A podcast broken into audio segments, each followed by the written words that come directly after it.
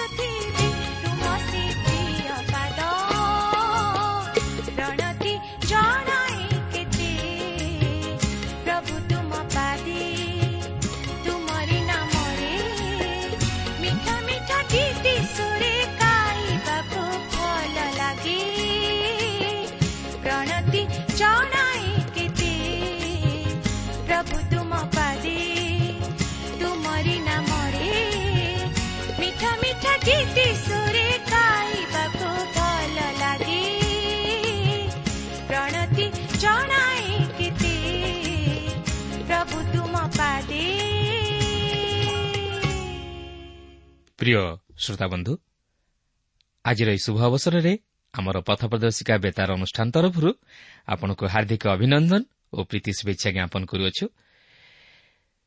ଆଜି ଆପଣ ପ୍ରଭୁ ଯୀଶୁଙ୍କ ବିଷୟରେ ଜାଣିବା ନିମନ୍ତେ ରେଡିଓ ପାଖରେ ଅପେକ୍ଷା କରି ବସିଅଛନ୍ତି ବୋଲି ଜାଣି ଆମେ ବିଶେଷ ଖୁସି। ହଁ ଆପଣଙ୍କ ମନରେ ଅନେକ ପ୍ରଶ୍ନ ଭିତ ଥାଇପାରେ ଯାହାର ଉତ୍ତର ଆପଣ ଏପର୍ଯ୍ୟନ୍ତ ପାଇପାରି ନାହାନ୍ତି କିନ୍ତୁ ଆମର ବିଶ୍ୱାସ ଆପଣ ଯଦି ନିୟମିତ ଏହି କାର୍ଯ୍ୟକ୍ରମ ଶୁଣିବେ ତାହେଲେ ଆପଣ ଆତ୍ମିକ ଜୀବନରେ ଆଶୀର୍ବାଦ ପାଇବା ସଙ୍ଗେ ସଙ୍ଗେ ଆପଣଙ୍କର ପ୍ରଶ୍ନର ଉତ୍ତର ପାଇପାରିବେ ଏବଂ ଏକ ସମାଧାନରେ ଉପନୀତ ହୋଇପାରିବେ କେବଳ ସେତିକି ନୁହେଁ ଜୀବନରେ ବାସ୍ତବ ଶାନ୍ତି ଓ ଆନନ୍ଦ ଉପଲବ୍ଧି କରିବେ ସେହି ପରିତାଣର ଆନନ୍ଦକୁ ଉପଲବ୍ଧି କରିବେ ଆମର ଅନୁରୋଧ ଆପଣ ନିଜେ ଏହି କାର୍ଯ୍ୟକ୍ରମ ଶୁଣିବା ସଙ୍ଗେ ସଙ୍ଗେ ଅନ୍ୟମାନଙ୍କୁ ଶୁଣାଇବାରେ ସାହାଯ୍ୟ କରନ୍ତୁ ଆଉ ଆପଣଙ୍କର ଯଦି ପ୍ରାର୍ଥନାର କୌଣସି ଅନୁରୋଧର ବିଷୟ ରହିଅଛି ତାହେଲେ ସେହି ପ୍ରାର୍ଥନା ଓ ଆପଣଙ୍କ ଜୀବନର ସାକ୍ଷ୍ୟ ଲେଖି ଜଣାଇଲେ ଆମେ ଆପଣଙ୍କ ନିମନ୍ତେ ପ୍ରାର୍ଥନା କରିପାରିବୁ। ଆସନ୍ତୁ ପ୍ରଭୁଙ୍କର ବାକ୍ୟ ମଧ୍ୟକୁ ଯିବା ପୂର୍ବରୁ ସଂକ୍ଷେପରେ ପ୍ରାର୍ଥନା କରିବା। ପ୍ରିୟ ପବିତ୍ର ପ୍ରଭୁ ଆମମାନଙ୍କର ପବିତ୍ର ସ୍ୱର୍ଗବାସୀ ପିତା ତୁମର ପବିତ୍ର ନାମର ଧନ୍ୟବାଦ କରୁଅଛୁ। ତୁମର ଜୀବନ୍ତ ବାକ୍ୟ ପାଇଁ ତୁମର ଦୟା ଅନୁଗ୍ରହ ପାଇଁ। ପ୍ରଭୁ ଆଜି ମଧ୍ୟ ତୁମର ବାକ୍ୟ ମଧ୍ୟ ଦେଇ ତୁମେ ପ୍ରତ୍ୟେକ ଶ୍ରୋତାବନ୍ଧୁମାନଙ୍କ ହୃଦୟରେ କଥା କୁହ। ପ୍ରତ୍ୟେକଙ୍କର ଦୁଃଖ ତୁମେ ଦୂର କର। ପ୍ରତ୍ୟେକଙ୍କୁ ତୁମର ସେହି ଶାନ୍ତି ଆନନ୍ଦରେ ପରିପୂର୍ଣ୍ଣ କର। ପ୍ରତ୍ୟେକଙ୍କୁ ଆତ୍ମିକ ଜୀବନରେ ବର୍ଦ୍ଧି ଶୁଣିବା ନିମନ୍ତେ ସାହାଯ୍ୟ କର। ପ୍ରତ୍ୟେକଙ୍କର ମନବାଞ୍ଛା ତୁମେ ପୂର୍ଣ୍ଣ କର। ଆଜିର ଏହି କାର୍ଯ୍ୟକ୍ରମ ମଧ୍ୟ ଦେଇ ଆମମାନଙ୍କୁ ଆଶୀର୍ବାଦ କର। ଯୀଶୁଙ୍କ ନାମରେ ମାଗୁଅଛୁ।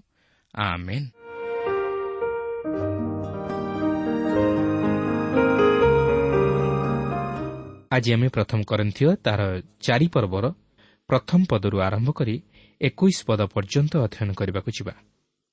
ଆଜିର ଅଧ୍ୟୟନ ମଧ୍ୟରେ ମୁଖ୍ୟ ଆଲୋଚନାର ପ୍ରସଙ୍ଗ ହେଉଛି ଖ୍ରୀଷ୍ଟଙ୍କ ଦାସ ବା ସେବକମାନଙ୍କର ଅବସ୍ଥା ଖ୍ରୀଷ୍ଟୀୟ ଆଚାର ବ୍ୟବହାର ଉପରେ ଚାପ ପକାଇଥାଏ। ଏହା ହେଉଛି ପାଉଲଙ୍କର କରିନ୍ଥୀୟ ମଣ୍ଡଳୀରେ ଘଟୁଥିବା ଦଳୀୟ ମନୋଭାବ ଓ ଦଳଭେଦ ବିଷୟ ନେଇ ଆଲୋଚନା କରିବାର ଶେଷ ଅଧ୍ୟାୟ। ଏହି ପର୍ବରେ ସେ ଖ୍ରୀଷ୍ଟଙ୍କ ସେବକମାନଙ୍କର ଅବସ୍ଥା ବିଷୟ ନେଇ ପ୍ରକାଶ କରନ୍ତି। ଆଉ ତାହା ହିଁ ହେଉଛି ଯାହାକି ଖ୍ରୀଷ୍ଟୀୟ ଆଚାର ବ୍ୟବହାର ଉପରେ ଚାପ ପକାଇଥାଏ। ଚାରିପର୍ବର ପ୍ରଥମ ପଦରେ ଏହିପରି ଲେଖା ଅଛି ଲୋକେ ଆମମାନଙ୍କୁ ଖ୍ରୀଷ୍ଟଙ୍କର ପରିଚାରକ ପୁଣି ଈଶ୍ୱରଙ୍କ ନିଗୁଢ଼ ତତ୍ତ୍ୱର ଭଣ୍ଡାର ଘରିଆ ବୋଲି ମନେ କରନ୍ତୁ। ପାଉଲ ଏଠାରେ ଖ୍ରୀଷ୍ଟଙ୍କ ସେବକଙ୍କର କାର୍ଯ୍ୟ କିପରି ହେବା ଆବଶ୍ୟକ ଓ ଲୋକମାନଙ୍କ ନିକଟରେ ସେମାନଙ୍କର ସାକ୍ଷ୍ୟ କିପରି ହେବା ଆବଶ୍ୟକ ସେହି ବିଷୟ ନେଇ ପ୍ରକାଶ କରନ୍ତି। ପ୍ରତ୍ୟେକ ଖ୍ରୀଷ୍ଟ ବିଶ୍ୱାସୀର କର୍ତ୍ତବ୍ୟ ହେଉଛି ଖ୍ରୀଷ୍ଟଙ୍କ ନିମନ୍ତେ ସାକ୍ଷୀ ହେବା ବା ସୁଷମାଚାର ପ୍ରଚାର କରିବା। ଅନେକ ଭାବନ୍ତି ଯେ ଯେଉଁମାନେ ନିଜକୁ ପୂର୍ଣ୍ଣ ସମୟବ୍ୟାପୀ ପ୍ରଚାର କାର୍ଯ୍ୟରେ ନିୟୋଜିତ କରିଅଛନ୍ତି ଏହା କେବଳ ସେମାନଙ୍କର କର୍ତ୍ତବ୍ୟ। ମାତ୍ର ସେପରି ଭାବିବା ଉଚିତ ନୁହେଁ। ପ୍ରତ୍ୟେକ ଖ୍ରୀଷ୍ଟ ବିଶ୍ୱାସୀର ଏହା ହେଉଛି ପ୍ରଧାନ କର୍ତ୍ତବ୍ୟ। ପରୋକ୍ଷରେ ହେଉ ବା ପ୍ରତ୍ୟକ୍ଷରେ ହେଉ ଆମେ ଖ୍ରୀଷ୍ଟଙ୍କ ନିମନ୍ତେ ସାକ୍ଷୀ ହେବା ଓ ଅନ୍ୟକୁ ଈଶ୍ୱରଙ୍କ ବାକ୍ୟ ମଧ୍ୟ ଦେଇ ଶିକ୍ଷା ଦେବା ଓ ସେମାନଙ୍କର ଆତ୍ମିକ ଅଭାବକୁ ପୂରଣ କରିବା ଆବଶ୍ୟକ। ଭଣ୍ଡାର ଘରିଆ ଯେପରି ନିଜର କର୍ତ୍ତାର ନିମନ୍ତେ ଗୃହର ସମସ୍ତ ଦାୟିତ୍ୱ ବହନ କରେ ଓ ସେମାନଙ୍କର ଆବଶ୍ୟକତା ଅନୁଯାୟୀ ସେମାନଙ୍କୁ ସମସ୍ତ ବିଷୟ ଠିକ୍ ସମୟରେ ପ୍ରଦାନ କରେ। ଠିକ୍ ସେହିପରି ଖ୍ରୀଷ୍ଟଙ୍କର ସେବକ ଖ୍ରୀଷ୍ଟଙ୍କ ପରିବାରର ସମସ୍ତଙ୍କୁ ଈଶ୍ୱରଙ୍କ ବାକ୍ୟ ପରିବେଷଣ କରେ। ବାସ୍ତବରେ ଏହା ଏକ ମହାନ ଦାୟିତ୍ୱ ଓ ମହାନ କାର୍ଯ୍ୟ ଓ ଏହାକୁ ବିଶ୍ୱସ୍ତତାର ସହିତ କରିବା ଆବଶ୍ୟକ। ଦୁଇ ପଦରେ ଲେଖା ଅଛି ଆଉ ଭଣ୍ଡାର ଘରିଆ ବିଷୟରେ ଏହା ନିତାନ୍ତ ଆବଶ୍ୟକ ଯେପରି ସେ ବିଶ୍ୱସ୍ତ ଦେଖାଯାଏ। ଲକ୍ଷ୍ୟ କରନ୍ତୁ ଏହି ଭଣ୍ଡାର ଘରିଆ ବା ଖ୍ରୀଷ୍ଟଙ୍କ ସେବକଙ୍କର ଅନ୍ୟ କୌଣସି ଯୋଗ୍ୟତା ଉପରେ ଗୁରୁତ୍ୱ ଦିଆଯାଏ ନାହିଁ ମାତ୍ର ବିଶ୍ୱସ୍ତତା ଉପରେ ଗୁରୁତ୍ୱ ଦିଆଯାଏ। ଅନେକ ଏପରି ବିଶ୍ୱସ୍ତ ସେବକମାନେ ଅଛନ୍ତି ଯେଉଁମାନେ କି ଦିନେ ପୁରସ୍କୃତ ହେବେ। ସେମାନଙ୍କର ଯୋଗ୍ୟତା କିମ୍ବା ମହାନ ଦାନକୁ ନେଇ ନୁହେଁ ମାତ୍ର ବିଶ୍ୱସ୍ତତାକୁ ନେଇ। କାରଣ ଈଶ୍ୱରଙ୍କ ସେବାରେ ତାହାଙ୍କ ସେବକମାନଙ୍କ ପରିଶ୍ରମ ନିଷ୍ଫଳ ନୁହେଁ। ତିନି ପଦରୁ ଚାରିପଦ ମଧ୍ୟରେ ଲେଖା ଅଛି କିନ୍ତୁ ତୁମମାନଙ୍କ ଦ୍ୱାରା କିମ୍ବା କୌଣସି ଲୌକିକ ବିଚାର ସଭା ଦ୍ୱାରା ବିଚାରିତ ହେବା ମୋ ପକ୍ଷରେ ଅତି ସାମାନ୍ୟ ବିଷୟ। ଏପରିକି ମୁଁ ନିଜେ ସୁଦ୍ଧା ନିଜର ବିଚାର କରେ ନାହିଁ। କାରଣ ମୁଁ ନିଜ ବିରୁଦ୍ଧରେ କିଛି ଜାଣେ ନାହିଁ। ତଥାପି ଏଥିରେ ମୁଁ ନିର୍ଦ୍ଦୋଷ ବୋଲି ପ୍ରମାଣିତ ହୋଇନାହିଁ କିନ୍ତୁ ଯିଏ ମୋହର ବିଚାର କରନ୍ତି ସେ ପ୍ରଭୁ। ଏହି ଦୁଇଟି ପଦ ପ୍ରକୃତରେ ତିନୋଟି ବିଚାରାଳୟ ଆମମାନଙ୍କ ସମ୍ମୁଖରେ ଆଣି ଉପସ୍ଥାପିତ କରେ ଯାହା ନିକଟରେ ଆମେ ନିଶ୍ଚିତ ଭାବରେ ଛିଡ଼ା ହେବା ଉଚିତ। ଏହି ବିଚାରାଳୟଗୁଡ଼ିକ ପ୍ରକାଶ କରନ୍ତି ଯେ ମୋ ଉପରେ ବିଚାର କରିବାର ଅଧିକାର ଆପଣଙ୍କର ନାହିଁ କିଓ ବା ଆପଣଙ୍କ ଉପରେ ବିଚାର କରିବାର ଅଧିକାର ମୋର ନାହିଁ ଯେହେତୁ ଆମେ ଉଭୟ ଏକ ଉଚ୍ଚତର ବିଚାରାଳୟ ସମ୍ମୁଖରେ ଛିଡ଼ା ହେବାକୁ ଯାଉଅଛୁ। ପ୍ରଥମ ବିଚାରାଳୟ ହେଉଛି ନିଚତର ବିଚାରାଳୟ। ଏହା ଅନ୍ୟମାନଙ୍କର ମତାମତର ବିଚାରାଳୟ। ପାଉଲ କହନ୍ତି କିନ୍ତୁ ତୁମମାନଙ୍କ ଦ୍ୱାରା କିମ୍ବା କୌଣସି ଲୌକିକ ବିଚାର ସଭା ଦ୍ୱାରା ବିଚାରିତ ହେବା ମୋ ପକ୍ଷରେ ଅତି ସାମାନ୍ୟ ବିଷୟ। ତେବେ ପାଉଲଙ୍କର ଏହିପରି ମନ୍ତବ୍ୟ ଏକ ବିରୋଧାତ୍ମକ ବୋଲି ମନେ ହୁଏ ଆଉ ସତେ ଯେପରି ପାଉଲ ସମାଜ ବିରୋଧୀ ଓ ସେ କାହାରି ମତାମତକୁ ଗ୍ରହଣ କରିବା ନିମନ୍ତେ ପ୍ରସ୍ତୁତ ନୁହନ୍ତି। ମାତ୍ର ଘଟଣାଟି ତାହା ନୁହେଁ। କିନ୍ତୁ ଘଟଣା ହେଉଛି ସେ ସଦାସର୍ବଦା ମିଥ୍ୟା ଅପବାଦ ଦ୍ୱାରା ଅପମାନିତ ହେଉଥିଲେ। ଲୋକେ ତାହାଙ୍କ ସମ୍ପର୍କରେ ଭୁଲ ମତାମତ ଦେଉଥିଲେ। ସେ ଅନେକ ସମାଲୋଚକମାନଙ୍କ ଦ୍ୱାରା ଅଯଥାରେ ସମାଲୋଚିତ ହେଉଥିଲେ। ଏହି ଚାରିପର୍ବର ଏଗାର ପଦରୁ ତେର ପଦ ମଧ୍ୟରେ ସେ ଏହି ବିଷୟ ନେଇ ଏହିପରି ପ୍ରକାଶ କରନ୍ତି ଯଥା ଏ ସମୟ ପର୍ଯ୍ୟନ୍ତ ସୁଦ୍ଧା ଆମ୍ଭେମାନେ କ୍ଷୁଧିତ ଓ ତୃଷିତ ବସ୍ତ୍ରହୀନ ଓ ପ୍ରହାରିତ ହେଉଅଛୁ। ପୁଣି ନିରାଶ୍ରୟ ହୋଇ ଭ୍ରମଣ କରୁ କରୁ ସ୍ୱହସ୍ତରେ କର୍ମ କରି ପରିଶ୍ରମ କରୁଅଛୁ। ନିନ୍ଦିତ ହୋଇ ଆଶୀର୍ବାଦ କରୁଅଛୁ। ତାଡ଼ନାପ୍ରାପ୍ତ ହୋଇ ସହ୍ୟ କରୁଅଛୁ। ଅପବାଦିତ ହୋଇ ମିଳନର କଥା କହୁଅଛୁ। ଏପର୍ଯ୍ୟନ୍ତ ସୁଦ୍ଧା ଆମ୍ଭେମାନେ ଜଗତର ଆବର୍ଜନା ସମସ୍ତଙ୍କର କଳଙ୍କ ସ୍ୱରୂପ ହୋଇଅଛୁ। ଆପଣ ଦେଖିପାରିବେ ଯେ ପାଉଲ ଅନ୍ୟମାନଙ୍କର ମତାମତ ନିମନ୍ତେ ଯତ୍ନବାନ ଥିଲେ। ତଥାପି ତାହାଙ୍କର ଜୀବନ ସେମାନଙ୍କ ଦ୍ୱାରା ପରିଚାଳିତ ହୋଇନଥିଲା। ସେମାନେ ତାହାଙ୍କ ଜୀବନର ଗତିପଥକୁ ବଦଳାଇ ପାରିନଥିଲେ କିନ୍ତୁ ସେମାନଙ୍କର ଓ ପାଉଲଙ୍କର ଜୀବନର ଗତିପଥ ମଧ୍ୟରେ ଯଥେଷ୍ଟ ପାର୍ଥକ୍ୟ ରହିଥିଲା।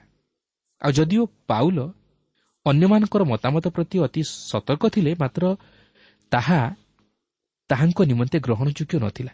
କିମ୍ବା ତାହାଙ୍କ ଜୀବନ ନିମନ୍ତେ ଉପକାରଜନକ ନଥିଲା କିନ୍ତୁ ସେ ଯାଉନା କାହିଁକି ଆମେ ତାହା ପସନ୍ଦ କରୁ ବା ନ କରୁ ଆମେ ପ୍ରତ୍ୟେକ ଅନ୍ୟର ବିଚାର ସ୍ଥାନରେ ଛିଡ଼ା ହେବାକୁ ଅଛି ଆମେ କେବେ ହେଲେ ଏହାକୁ ଏଡ଼ାଇ ଦେଇପାରିବା ନାହିଁ ଅବ୍ରାହମ୍ ଲିଙ୍କନ କହନ୍ତି ଏହି ଦେଶରେ ଲୋକମତ ହିଁ ସବୁକିଛି ଆଉ ଦୁର୍ଭାଗ୍ୟବଶତଃ ଏହା ମଧ୍ୟ ସତ ଅଧିକାଂଶ ବିଚାରାଳୟ ମଧ୍ୟ ନ୍ୟାୟ ଅପେକ୍ଷା ଲୋକମତକୁ ଅଧିକ ଗୁରୁତ୍ୱ ଦିଅନ୍ତି ଓ ସଂଖ୍ୟା ଗରିଷ୍ଠତାର ମତାମତକୁ ଗ୍ରହଣ କରନ୍ତି।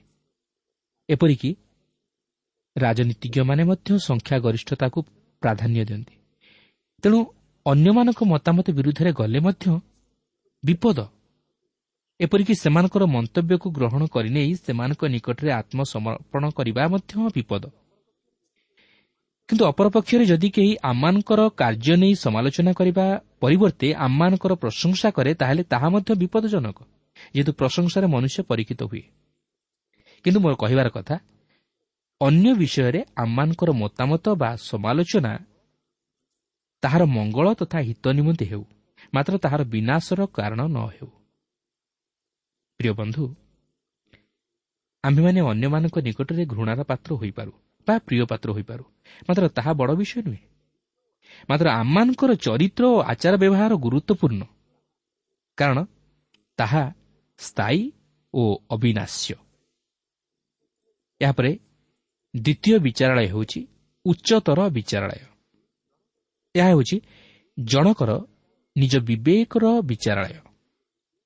ପାଉଲ କହନ୍ତି ଏପରିକି ମୁଁ ନିଜେ ସୁଦ୍ଧା ନିଜର ବିଚାର କରେ ନାହିଁ। ଅର୍ଥାତ୍ ପାଉଲ ଏଠାରେ ନିଜର ବିବେକଗତ ମତାମତ ବା ଚିନ୍ତାଧାରାକୁ ନିରାପଦ ବୋଲି ମନେ କରନ୍ତି ନାହିଁ ବା ଠିକ୍ ବୋଲି ମନେ କରନ୍ତି ନାହିଁ କାରଣ ଅନେକ ସମୟରେ ବା କ୍ଷେତ୍ରରେ ଆମର ବିବେକଗତ ଚିନ୍ତାଧାରା ଠିକ୍ ହୋଇପାରେ ଓ ଅନେକ କ୍ଷେତ୍ରରେ ଏହା ମଧ୍ୟ ଠିକ୍ ହୋଇନପାରେ ଓ ଆମମାନଙ୍କୁ ବିପଥରେ ମଧ୍ୟ କଢ଼ାଇ ନେଇପାରେ ତେଣୁକରି ଆମମାନଙ୍କୁ ପବିତ୍ର ଆତ୍ମାଙ୍କ ଚାଳନାରେ ପରିଚାଳିତ ହେବାକୁ ହେବ ଖ୍ରୀଷ୍ଟ ବିଶ୍ୱାସୀମାନେ ଏକ ସୂଚି ବିବେକ ଧାରଣ କରିବାକୁ ହେବ। ଯେତେବେଳେ ଏହା ଆମମାନଙ୍କୁ ଅନୁଯୋଗ କରେ ଓ ଆମମାନଙ୍କର ଭୁଲକୁ ଦେଖାଇ ଦିଏ ସେତେବେଳେ ଆମମାନଙ୍କୁ ତାହା ମାନିବାକୁ ହେବ। ତେଣୁକରି ଏହି ବିବେକଗତ ବିଚାରାଳୟ ସମ୍ମୁଖରେ ଆମେ ସମସ୍ତେ ଦୃଢ଼ ଭାବରେ ଛିଡ଼ା ହୋଇପାରୁ ବା ପଡ଼ିଯାଇପାରୁ। ସେଥିପାଇଁ ପ୍ରେରିତ ପାଉଲ କହନ୍ତି ମୁଁ ନିଜେ ସୁଦ୍ଧା ନିଜର ବିଚାର କରେ ନାହିଁ। କିନ୍ତୁ ଏହାର ଅର୍ଥ ନୁହେଁ ଯେ ପାଉଲ ନିଜର ଦୋଷ ଦୁର୍ବଳତା ବିଷୟରେ ଅଜ୍ଞ ଥିଲେ ବା ନିଜକୁ ଦୋଷୀ ବୋଲି ବିଚାର କରୁନଥିଲେ। କାରଣ ଅପରପକ୍ଷରେ ସେ କହନ୍ତି କାରଣ ମୁଁ ନିଜ ବିରୁଦ୍ଧରେ କିଛି ଜାଣେ ନାହିଁ ତଥାପି ଏଥିରେ ମୁଁ ନିର୍ଦ୍ଦୋଷ ବୋଲି ପ୍ରମାଣିତ ହୋଇନାହିଁ କାରଣ ଏହା ହିଁ ହେଉଛି ମନୁଷ୍ୟର ସ୍ୱଭାବ ଯେ ସେ କେବେ ହେଲେ ନିଜକୁ ଦେଖେ ନାହିଁ ନିଜର ଦୋଷ ଦୁର୍ବଳତା ପ୍ରତି ଲକ୍ଷ୍ୟ କରେ ନାହିଁ ମାତ୍ର ଅନ୍ୟର ଦୋଷ ଦୁର୍ବଳତା ପ୍ରତି ଅଙ୍ଗୁଳି ଦେଖାଇ ତାହା ପ୍ରତି ଦୋଷାରୋପ କରେ। କିନ୍ତୁ ଏଥିରେ ସେ ନିର୍ଦ୍ଦୋଷ ବୋଲି ପ୍ରମାଣିତ ହେବ ନାହିଁ କାରଣ ପ୍ରଭୁ ତାହାର ବିଚାର କରନ୍ତି। ପ୍ରିୟ ବନ୍ଧୁ ଆଜି ଆମମାନେ କ'ଣ ସେ ପ୍ରକାର ଚିନ୍ତାଧାରା ନେଇପାରୁଛୁ? ଆଜି ଆମମାନେ କ'ଣ କରୁଛୁ? ଆଜି କ'ଣ ଆମେ ନିଜର ଦୋଷ ଦୁର୍ବଳତା ପ୍ରତି ଦୃଷ୍ଟି ଦେଉଛୁ କି? ନା କେବଳ ଅନ୍ୟର ପ୍ରତି ଅଙ୍ଗୁଳି ଦେଖାଉଛୁ? ମାତ୍ର ପ୍ରଭୁ ଆମମାନଙ୍କର ସମସ୍ତ ଦୁର୍ବଳତା ଜାଣନ୍ତି ଓ ତାହାଙ୍କ ବିଚାରରୁ କେହି ଖସି ପଳାଯାଇପାରିବ ନାହିଁ। ଆମେ ପ୍ରତ୍ୟେକ ସେହି ପ୍ରଭୁଙ୍କ ନିକଟରେ ବିଚାରିତ ହେବା। ଏହାପରେ ତୃତୀୟ ବିଚାରାଳୟ ଯେଉଁଠାରେ କି ଆମେ ନିଶ୍ଚିତ ଭାବେ ଛିଡ଼ା ହେବା। କାରଣ ପାଉଲ କହନ୍ତି କିନ୍ତୁ ଯେ ମୋହର ବିଚାର କରନ୍ତି ସେ ପ୍ରଭୁ। ଏହା ହେଉଛି ଉଚ୍ଚତମ ନ୍ୟାୟାଳୟ। ଏହି ନ୍ୟାୟାଳୟରେ କେବଳ ଜଣେ ନ୍ୟାୟ ବିଚାରକର୍ତ୍ତା ଅଟନ୍ତି। ଏହା ହେଉଛି ଖ୍ରୀଷ୍ଟଙ୍କ ବିଚାରାସନ। ପାଉଲ କହନ୍ତି ଯେ ସେ ଦିନେ ଖ୍ରୀଷ୍ଟଙ୍କ ବିଚାରାସନ ସମ୍ମୁଖରେ ଛିଡ଼ା ହେବାକୁ ଯାଉଅଛନ୍ତି। ଆମେ ପ୍ରତ୍ୟେକ ସେହି ବିଚାରାସନ ସମ୍ମୁଖରେ ଛିଡ଼ା ହେବା। ପାଉଲ ଏହି ବିଷୟରେ ତାହାଙ୍କର ଦ୍ୱିତୀୟ କରିନ୍ଥୀୟ ପତ୍ରର ପାଞ୍ଚ ପର୍ବରେ ଅଧିକ କିଛି ପ୍ରକାଶ କରିଅଛନ୍ତି। ଯାହାକି ଆମେ ସେହି ଦ୍ୱିତୀୟ କରିନ୍ଥୀୟ ପାଞ୍ଚ ପର୍ବଟି ଅଧ୍ୟୟନ କରିବା ସମୟରେ ଜାଣିବାକୁ ପାରିବା। ତାହେଲେ ସେଠାରେ କେଉଁ ବିଷୟ ବିଚାରିତ ହେବାକୁ ଯାଉଅଛି? ଆମେ ଜାଣୁ ଯେ ଖ୍ରୀଷ୍ଟ ବିଶ୍ୱାସୀମାନେ ସେମାନଙ୍କର ପାପ ନିମନ୍ତେ ବିଚାରିତ ହେବେ ନାହିଁ ଯେଣୁ ସେମାନେ ଉଦ୍ଧାର ପ୍ରାପ୍ତ ଓ ସେମାନଙ୍କର ପାପ ଘୁଞ୍ଚାଇ ଦିଆଯାଇଅଛି। ସେମାନଙ୍କର ପାପ ପ୍ରଭୁ ଯୀଶୁ ଖ୍ରୀଷ୍ଟଙ୍କ ପବିତ୍ର ରକ୍ତ ଦ୍ୱାରା ଘୋଡ଼ାଇ ଦିଆଯାଇଅଛି। ଓ ଈଶ୍ୱର ସେମାନଙ୍କର ପାପ ଆଉ ଗଣନା କରନ୍ତି ନାହିଁ। କିନ୍ତୁ ବିଶ୍ୱାସୀ ତାହାର ଭଣ୍ଡାର ଘରିଆ ପଦକୁ ନେଇ ବିଚାରିତ ହେବ ଅର୍ଥାତ୍ ତାହାର ବିଶ୍ୱସ୍ତତାର କାର୍ଯ୍ୟକୁ ନେଇ ବିଚାରିତ ହେବ। ପାଞ୍ଚ ପଦରେ ଲେଖା ଅଛି ତେଣୁ ସମୟର ପୂର୍ବେ ପ୍ରଭୁଙ୍କ ନ ଆସିବା ପର୍ଯ୍ୟନ୍ତ କୌଣସି ବିଷୟ ବିଚାର କର ନାହିଁ। ସେ ଅନ୍ଧକାରର ଗୁପ୍ତ ବିଷୟଗୁଡ଼ିକ ଆଲୋକରେ ଦେଖାଇବେ ପୁଣି ହୃଦୟର ସଂକଳ୍ପ ସମସ୍ତ ପ୍ରକାଶ କରିବେ। ସେତେବେଳେ ପ୍ରତ୍ୟେକ ଜଣ ଈଶ୍ୱରଙ୍କଠାରୁ ପ୍ରଶଂସା ପାଇବ। ସେ ହେଉଛନ୍ତି ଜଣେ ଯିଏକି ବିଚାର କରିବେ। ଯଦି ଆମେ ଅନ୍ୟର ବିଚାର କରିବା ପାଇଁ ବସୁ ତାହେଲେ ଆମେ ପ୍ରଭୁଙ୍କର ବିଚାର ସ୍ଥାନରେ ବସୁ। ତେଣୁକରି ଆମେ ଅନ୍ୟକୁ ଅପମାନିତ କରିବା କିମ୍ବା ତାହାର ସମାଲୋଚନା କରିବା ଆବଶ୍ୟକ ନାହିଁ। କିମ୍ବା ତାହା ସହିତ କଳହ କରିବା ଉଚିତ ନୁହେଁ। ଈଶ୍ୱର ସୁନ୍ଦର ଭାବରେ ଆମମାନଙ୍କର ବିଚାର କରିବେ ଓ ସେ ସମସ୍ତ ବିଷୟ ଜାଣନ୍ତି। ଅନ୍ଧକାରର ସମସ୍ତ ଗୁପ୍ତ ବିଷୟ ସେହି ଖ୍ରୀଷ୍ଟଙ୍କ ଉପସ୍ଥିତି ମଧ୍ୟରେ ଆଲୋକରେ ପ୍ରକାଶିତ ହେବାକୁ ଯାଉଅଛି। ସେ ହୃଦୟର ସମସ୍ତ ବିଷୟକୁ ବାହାରେ ପ୍ରକାଶ କରାଇଦେବେ ତେଣୁକରି ଆମେ ନିଜର ଜୀବନ ନିମନ୍ତେ ବିଶେଷରେ ସତର୍କ ହେବା ଉଚିତ। କେବଳ ସେତିକି ନୁହେଁ ଯେଉଁମାନେ ବାସ୍ତବରେ ବିଶ୍ୱସ୍ତତାର ସହିତ କାର୍ଯ୍ୟ କରିଥିବେ ସେମାନେ ଈଶ୍ୱରଙ୍କଠାରୁ ପ୍ରଶଂସା ପାଇବେ। ଛଅ ପଦରେ ଲେଖା ଅଛି ହେ ଭାଇମାନେ ମୁଁ ତୁମମାନଙ୍କ ଶିକ୍ଷା ନିମନ୍ତେ ଏହିସବୁ କଥା ମୋ ନିଜକୁ ଓ ଆପଲଙ୍କୁ ଲକ୍ଷ୍ୟ କରି ଦୃଷ୍ଟାନ୍ତ ଦେଲି। ଯେପରି ଯାହା ଲିଖିତ ଅଛି ତାହା ଅତିକ୍ରମ କର ନାହିଁ।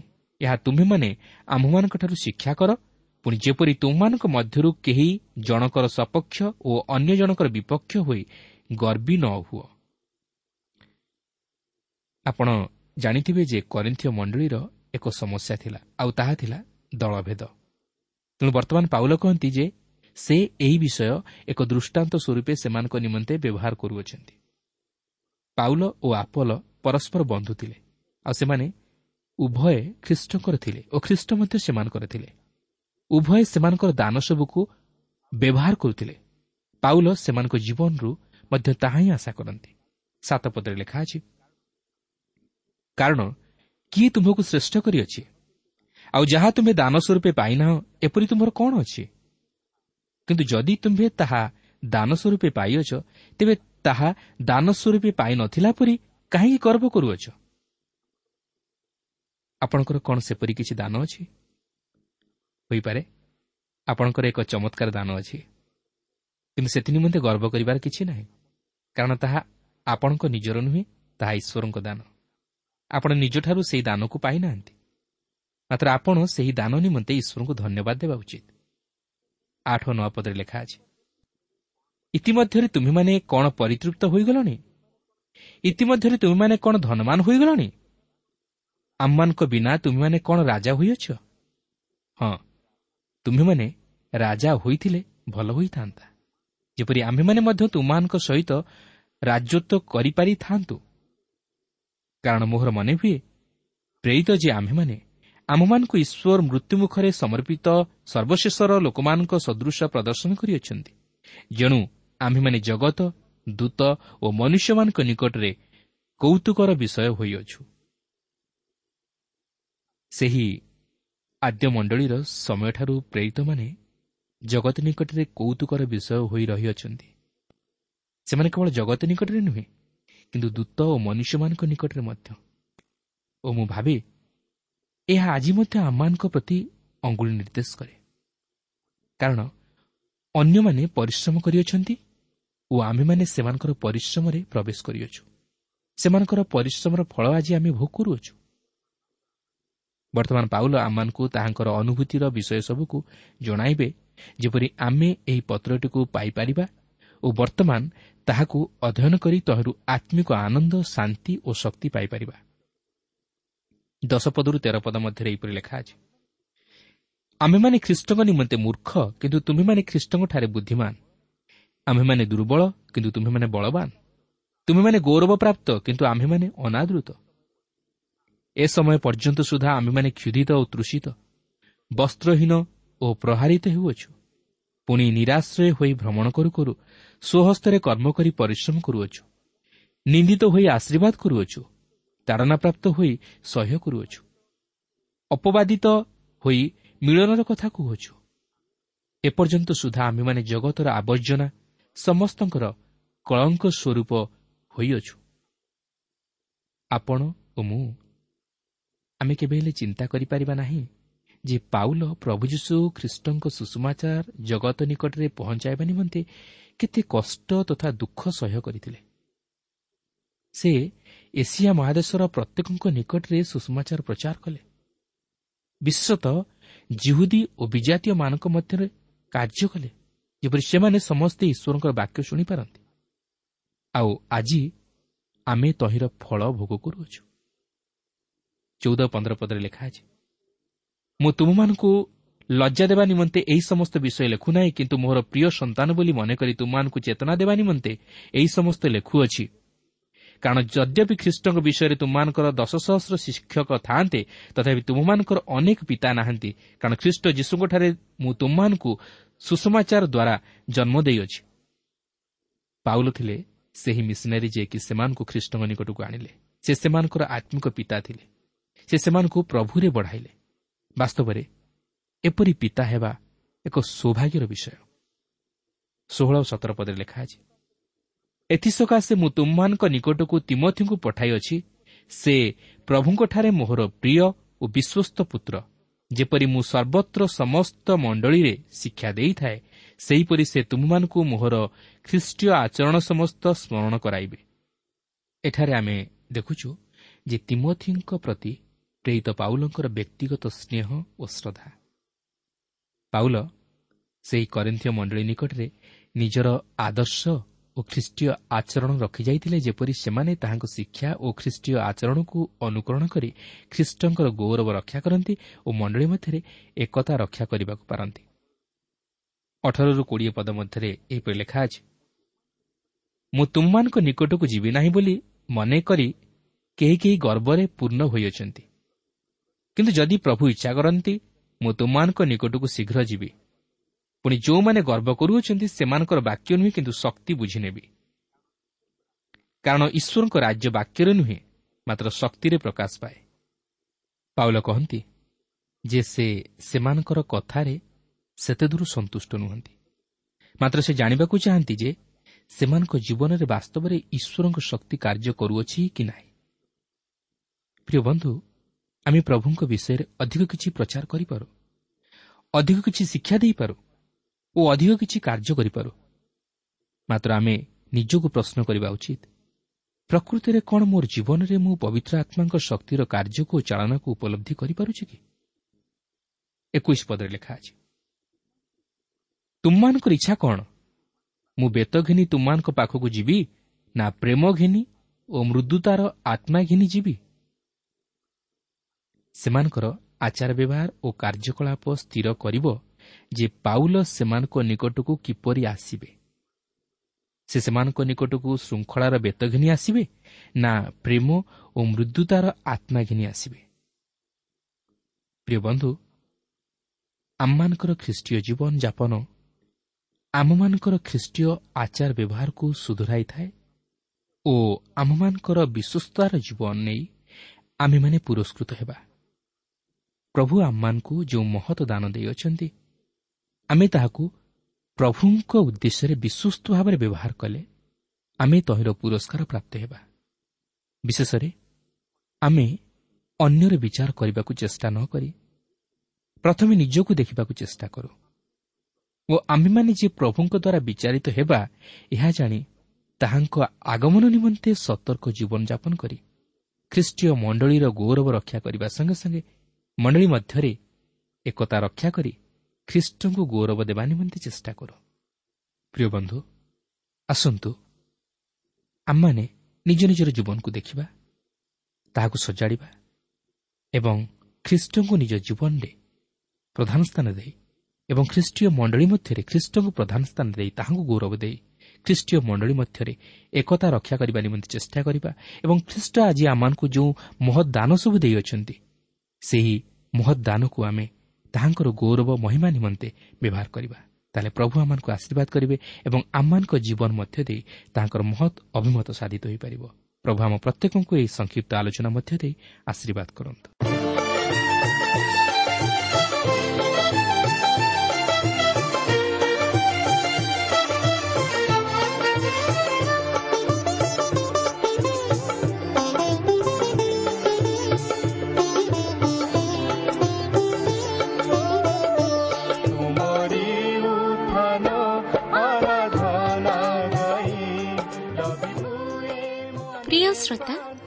ଆମର କାର୍ଯ୍ୟକ୍ରମ ନିୟମିତ ଶୁଣୁଥିବାରୁ ଅଶେଷ ଧନ୍ୟବାଦ। ଆପଣ ଏହି କାର୍ଯ୍ୟକ୍ରମ ଶୁଣିବା ଦ୍ୱାରା ଆତ୍ମିକ ଜୀବନରେ ଉପକୃତ ହୋଇପାରିଥିବେ ବୋଲି ଆମର ବିଶ୍ୱାସ। ପ୍ରଭୁ ଯୀଶୁଙ୍କ ବିଷୟରେ ଅଧିକ ଜାଣିବାର ଆଗ୍ରହ ଥିଲେ ଅଥବା ଉପାଦାୟ ପୁସ୍ତକର ଆବଶ୍ୟକ ଥିଲେ ଆମ ସହ ଯୋଗାଯୋଗ କରନ୍ତୁ।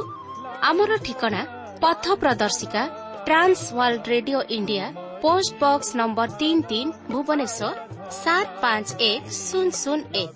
Mobile number nine seven double seven double two one four one five ঠিকଣାটি ଆଉଥରେ ଶୁଣନ୍ତୁ ପଥ ପ୍ରଦର୍ଶିକା Trans World Radio India post box number three three Bhubaneswar seven five one zero zero one mobile number nine seven double seven double two one four one five ଆମର email ଆଡ୍ରେସଟି ଲେଖି ରଖନ୍ତୁ Odia TTV at radio eight eight two dot com ତେବେ ଆଜି ପାଇଁ ବିଦାୟ ଦିଅନ୍ତୁ ନମସ୍କାର ହରିନା ମୂର୍ତ୍ତି ସୂଚନା